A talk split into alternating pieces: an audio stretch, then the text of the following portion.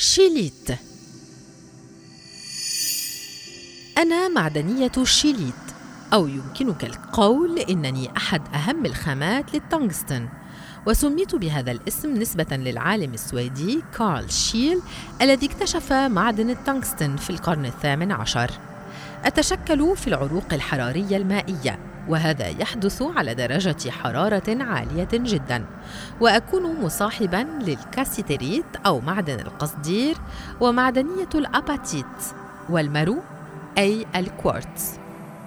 وأنا مميز بسبب هرميتي باللورات المزدوجة ذات السطوح الجانبية التي تجعلها تبدو رباعية الأوجه والتي تأتي أيضا أحيانا على شكل حبيبات وكتل. وأعد ذو قيمة عالية ليس فقط لأنني أحد ركازات التنغستن بل بسبب بريق الزجاجي ووميض البرتقالي.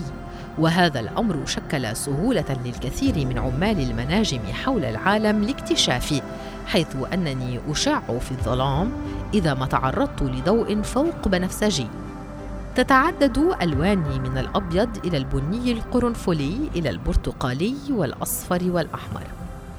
استخدم في بعض الأحيان كجوهرة لصنع الحلي ولكن فائدتي الرئيسية هي في استخراج التنغستن الذي يستعمل في صناعة أدوات القشط والتنقيب والذي هو مكون أساسي في صناعة الفولاذ الخاص الذي هو عبارة عن مواد عالية الجودة مصممة لتلبية متطلبات محددة من القوة والصلابة والمدة. أتواجد عموما في الصين وفي بعض مناطق أوروبا في فرنسا والسويد.